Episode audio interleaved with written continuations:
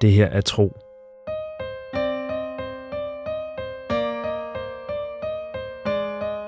En eventyrlig podcast-fortælling i 55 afsnit.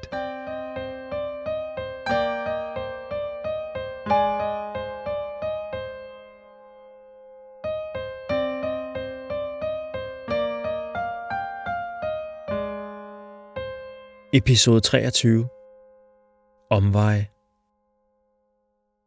Atex Melanesøn får endnu en gang det stramme drag om kæberne. Hans hustru rynker brynene. Nej, hun ser på tro, på en gang spørgende og anklagende. Firas slår sin nervøse latter op og begynder at plapre. Endnu en gang morer du os med dine festlige numre, tro. Det var skægt, da du nægtede at give skovhjertet til høvdingen tidligere.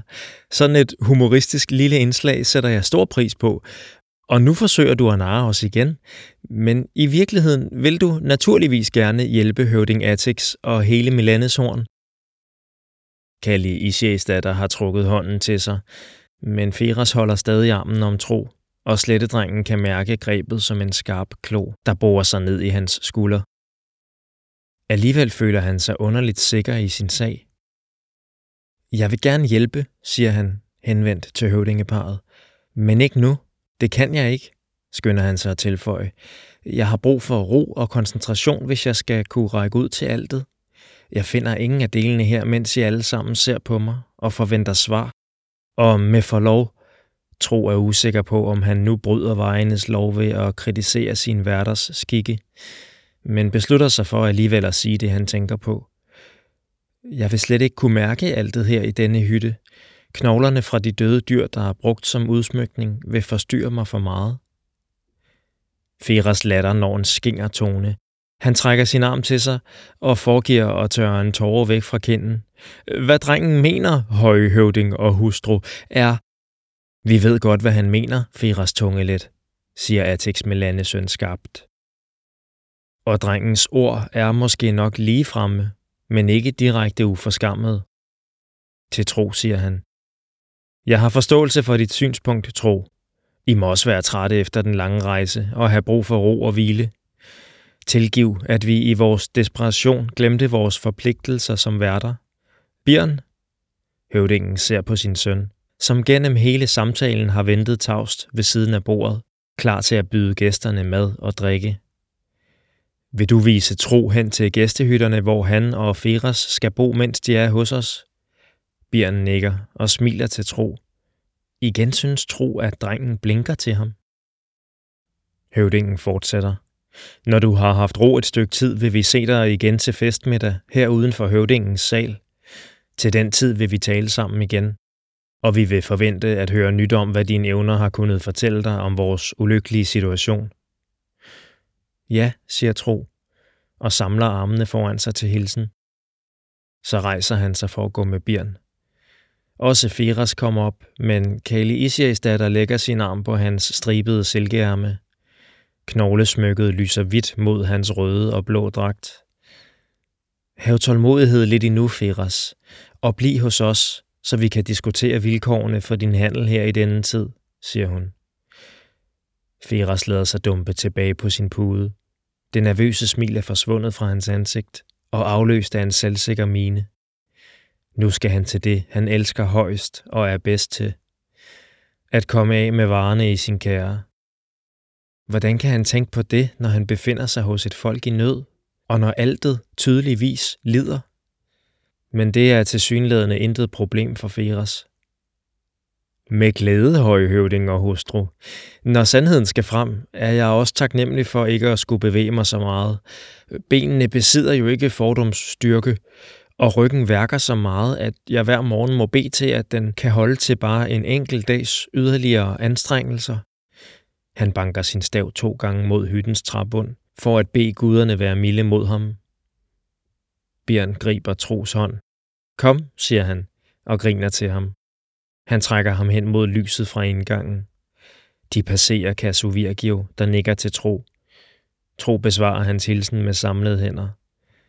Det sidste tro hører, inden han forlader dødens hytte, er Feras, der fortæller om sit akutte behov for at rejse midler nok til en ekspedition, der skal hjembringe hans søster Tina Doras ældste datter.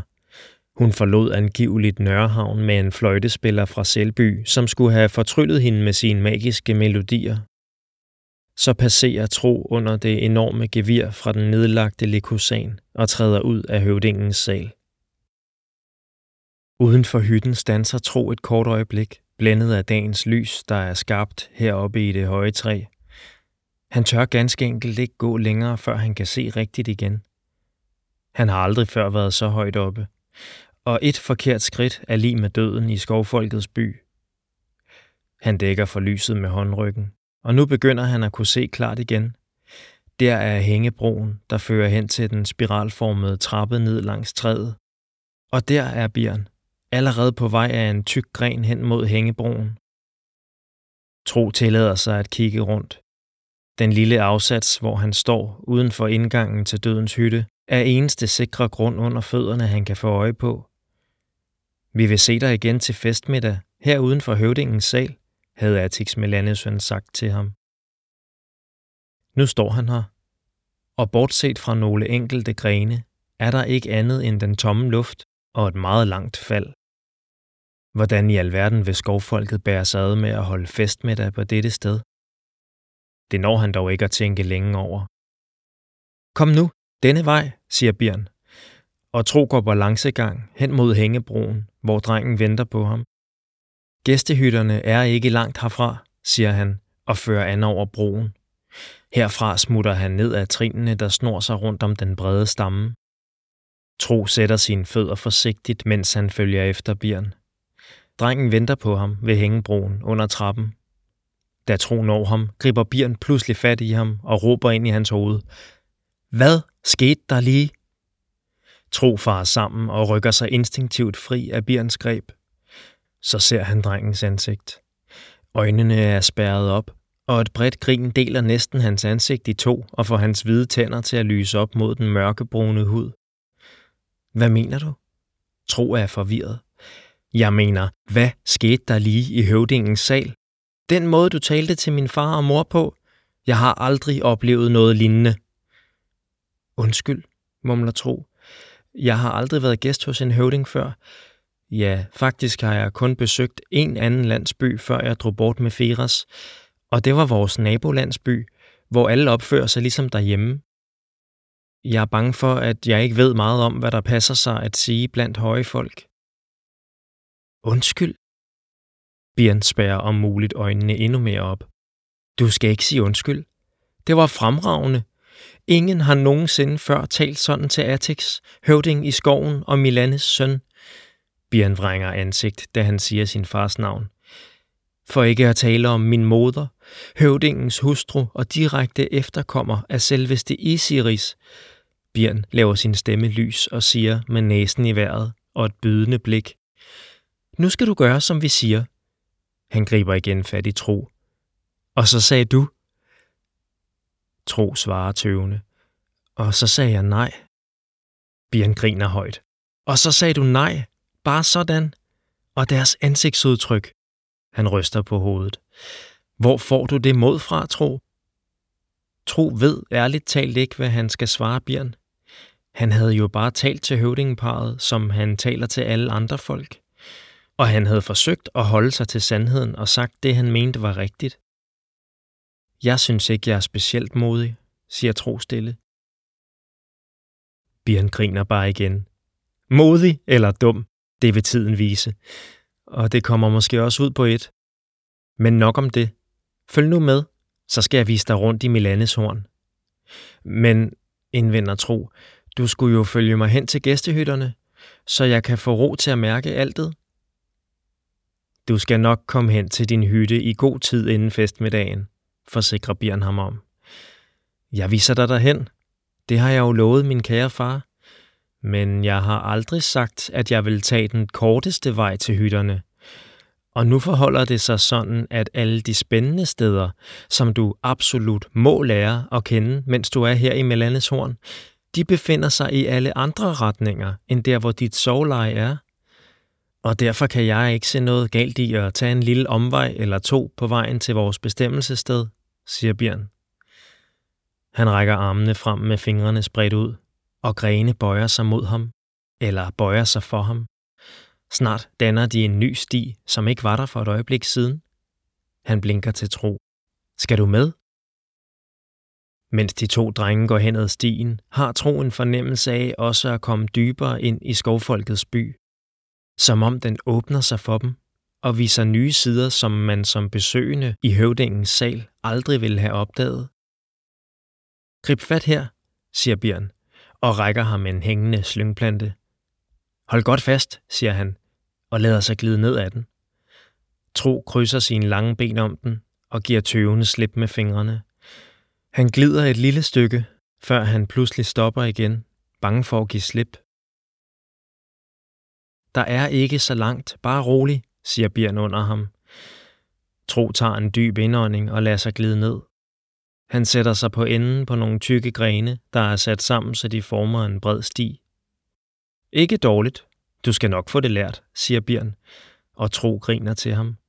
Han griber skovdrengens hånd og lader sig hjælpe på benene. De kommer til at stå helt tæt sammen. Og Tro lægger igen mærke til, at han er en smule højere end Bjørn. Han kigger ind i et ansigt, der er åbent og venligt. Der er et lejende glimt i de store brune øjne, og et smil hænger om den smalle mund. Bjørns hånd har et fast greb, og Tro føler sig både alt for lang og alt for ranglet ved siden af den spændstige og stærke skovdreng. Så er det, som om smilet forsvinder fra Bjørns øjne og mund. I dets sted er nu det formelle, ligegyldige udtryk, som Tro tidligere så i dødens hytte. Han slipper Tros hånd, og med et denne vej leder han ham videre gennem byen.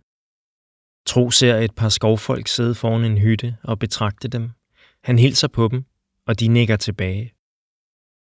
Den brede sti er en slags hovedvej gennem byen, går det op for Tro. De kommer forbi mange hjem, hvor skovfamilier er i gang med hverdagens gøremål. Ikke ulig en eftermiddag hjemme i landsbyen, tænker Tro. Birn bøjer en gren, så den når hen til en tyk stamme. Tro ser, at der fører trin opad, ligesom på træet, der førte til høvdingens sal. Vi skal herop, siger Bjørn og begynder opstigningen. Hvad er der deroppe? spørger Tro. Han sætter prøvende en fod på det første trin, der består af træets egen hårde bark. Den virker solid nok. Han tager endnu et skridt. Et af de steder, jeg vil vise dig. Tag fat her, så har du bedre balance, siger Bjørn, og slynger en plante ned til Tro, som taknemmeligt griber den.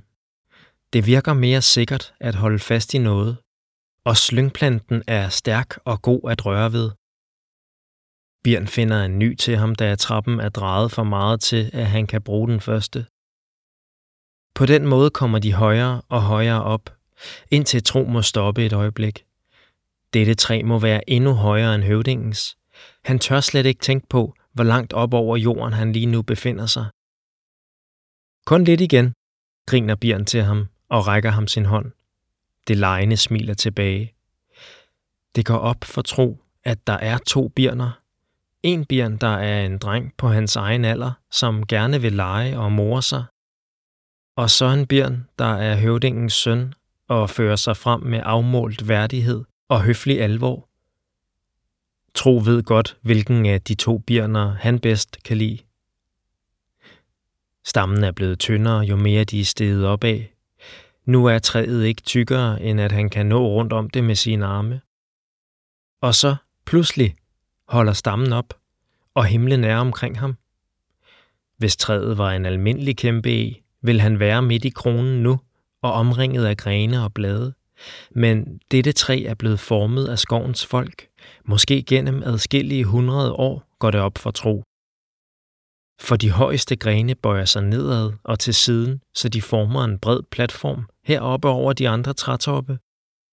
Bjørn holder fast i hans hånd de sidste trin opad. Til tro står på plateauet.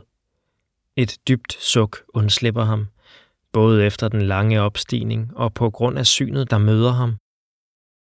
Skoven ligger under ham, grøn og tæt, som et af Feras duntæpper, og bølgene sig så langt han kan se. Han drejer sig rundt, og nu kan han også se ud over sletterne. Heroppe fra bliver skovens grænse endnu tydeligere, end da Tro tidligere på dagen stod foran træerne og betragtede en mur af grønt og brunt, der rejste sig foran ham.